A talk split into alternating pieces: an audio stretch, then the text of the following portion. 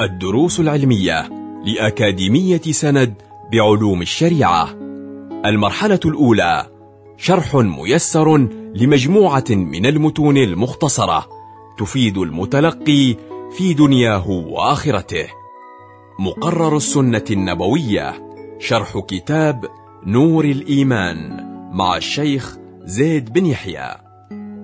الحمد لله رب العالمين والصلاة والسلام على سيدنا محمد أشرف الأنبياء والمرسلين وعلى آله الطاهرين وأصحابه الغر الميامين وعلى التابعين لهم بإحسان إلى يوم الدين وعلينا معهم وفيهم برحمتك يا أرحم الراحمين.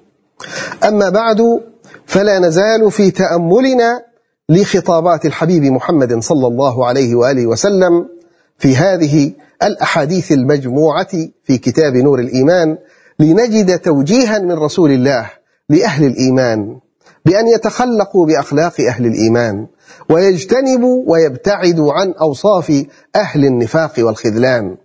ونجد حديثا من رواية سيدنا عبد الله بن عمر بن الخطاب رضي الله عنه عن رسول الله صلى الله عليه وآله وسلم قال أربع من كن فيه كان منافقا خالصا.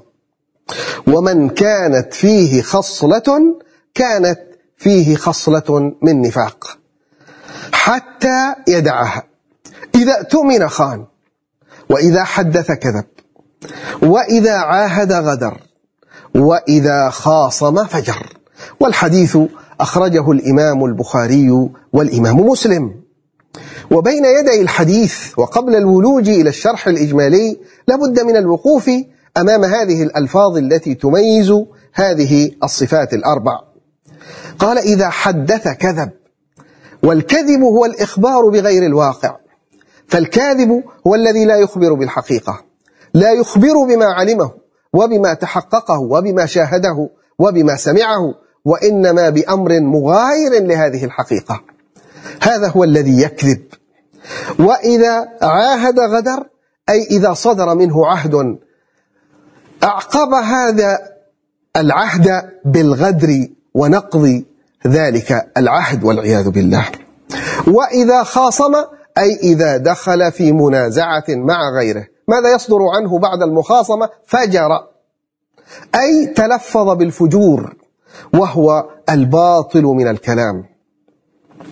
فهذا الحديث كما قلنا تنبيه من رسول الله صلى الله عليه وآله وسلم على أربع صفات.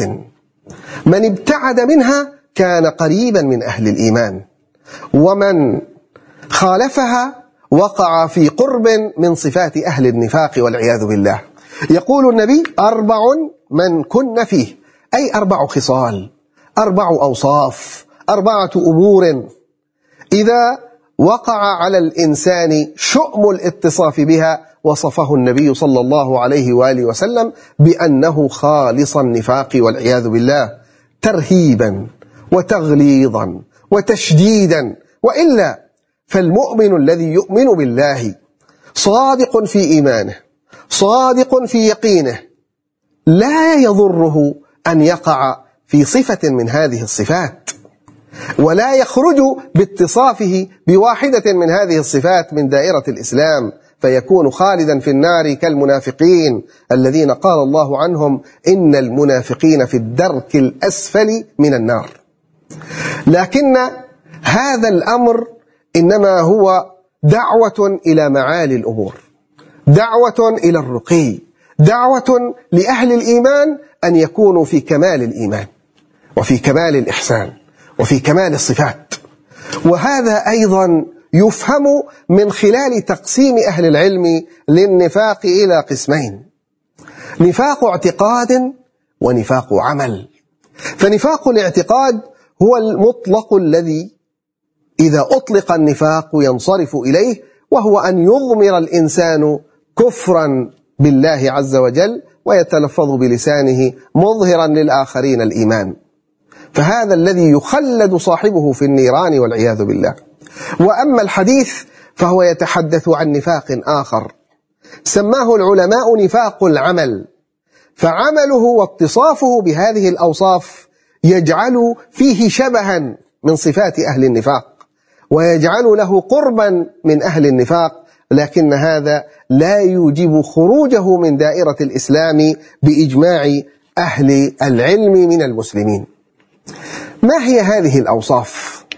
هذه الصفات أو هذه الأوصاف أربع كما جاء في الحديث. أولها الأمانة وخلف الأمانة وإضاعة الأمانة وخيانة الأمانة. فيعبر النبي عن هذا المعنى ويقول إذا اؤتمن خان. استأمنه الآخرون استأمنه أهل الإيمان على أمانة من الأمانات. سواء كانت هذه الأمانة خبرا أو كانت هذه الأمانة حسية مالا أو أمرا عينيا أهل الإيمان يعلمون مكانة الأمانة ويحفظون هذه الأمانة حتى يؤدوها إلى أصحابها. لكن من اتصف بشيء من صفات أهل النفاق يخون هذه الأمانة فيبوح بالسر ويتصرف في هذه الأمانة ولا يحفظها. ولا يسلمها ولا يؤديها إلى أهلها والعياذ بالله. لا شك أن هذا وصف مشين ولا شك أن هذه خصلة رذيلة لا تليق بأهل الإيمان. إذا اؤتمن خان وإذا حدث كذب إذا تحدث مع الغير وإذا تكلم مع أهل الإيمان يجد لذة في أن يؤذيهم بعدم الإخبار بالحقيقة وبعدم الإخبار بالواقع. وبالكلام بما لا طائل تحته بل بشيء لم يقع ولم يحصل لأن الكذب كما تقدم هو الإخبار بغير الواقع. ومن شؤم الكذب أن جعل الله عز وجل علة العذاب في النار في بعض آياته أن ذلك بسبب الكذب والعياذ بالله. وذلك في مثل قوله سبحانه وتعالى ولهم عذاب أليم بما كانوا يكذبون. وإذا حدث كذب. ثم قال وإذا وعد أخلف. ذلك أن نبينا صلى الله عليه وآله وسلم وهو يدعو إلى هذه الأوصاف وهو يدعو إلى هذه المكارم. كان المثل الأعلى في ذلك فلم يكن يعرف في مكة المكرمة قبل الوحي والنبوة إلا بالصادق الأمين. هذه الصفات الأربع كانت مجسدة فيه وكانت ظاهرة عليه فلم يكن يسمى بمحمد بل كان يسمى بالصادق الأمين صلى الله وسلم وبارك عليه وعلى آله. ثم يقول صلى الله عليه وسلم الثالثة وإذا وعد أخلف. الوعد وعظمة الوعد. تحمل أهل الإيمان على أن يكونوا أصحاب وفاء فلا يعدون إلا وهم على ثقة من القيام بالوفاء بما وعدوا. ولذلك فإن بعض أهل الإيمان يتحرجون من أن يصدر منهم وعد ويحرصون على أن لا يعطوا وعدا خيفة من عدم الوفاء بالوعد.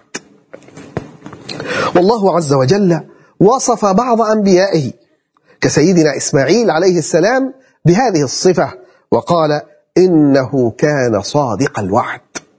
ويذكر عنه أنه وعد إنسانا باللقاء في مكان ما وفي محل ما وحضر إلى ذلك المكان فلم يجد ذلك الذي وعده. فبقي منتظرا وفاء بوعده اثنين وعشرين يوما وفاء بالوعد حتى استحق أن يقول عنه الله عز وجل في كتابه إنه كان صادق الوعد. وإذا وعد أخلف. ومن العجب العجاب أن بعض أهل الإسلام يلتفتون إلى وفاء بالوعد من جهة شرقية أو غربية حتى يسمون وعدا فلانيا. بل ينبغي أن يقولوا وعدا محمديا وعدا إسلاميا وعدا نبويا لأنه كان يضع الوفاء بالوعد في هذه المكانة الراقية. والصفة الرابعة يقول صلى الله عليه وآله وسلم وإذا خاصم فجر. إذا دخل في مخاصمة إذا خاض في منازعة لم يتمالك نفسه ولم يتدارك ألفاظه وأفعاله فيصدر منه في خصومته فجور. يصدر منه في خصومته ميل عن الحق تجاوز للعقل وتجاوز للآداب وللأخلاقيات وإذا خاصم فجر. فيتلفظ بالباطل ويتلفظ بالفحش من القول فيقع فيما لا تحمد عقباه. ونبينا الذي بعث ليتمم مكارم الأخلاق لابد أن يحث على الابتعاد عن هذه الخصال الأربع والاتصاف بما يضادها حتى تتبين صفة أهل الإيمان وحتى يعرف المؤمنون من خلال أوصافهم ومن خلال أخلاقياتهم ومن خلال معاملاتهم ومن خلال ممارساتهم فيكونون شامة في الأرض. يكونون سببا للإيمان وسببا للهداية وسببا للتعريف بأوصاف نبيهم محمد صلى الله وسلم وبارك عليه وعلى آله. نسأل الحق سبحانه وتعالى أن يرشدنا للابتعاد عن أوصاف أهل النفاق والإقبال والامتثال والاستشعار والتجسد بصفات أهل الإيمان وصفات النبي محمد صلى الله عليه وآله وسلم. نسأله موجبات رحمته وعزائم مغفرته والسلام من كل إثم والغنيمة من كل بر والفوز بالجنة والنجاة من النار. وصلى الله على سيدنا محمد وعلى آله. والحمد لله رب العالمين. كنتم مع الدروس العلمية لأكاديمية سند بعلوم الشريعة. يمكنكم متابعة جميع الدروس عبر موقع الأكاديمية وتطبيقاتها الإلكترونية. سند علم سلوك دعوة.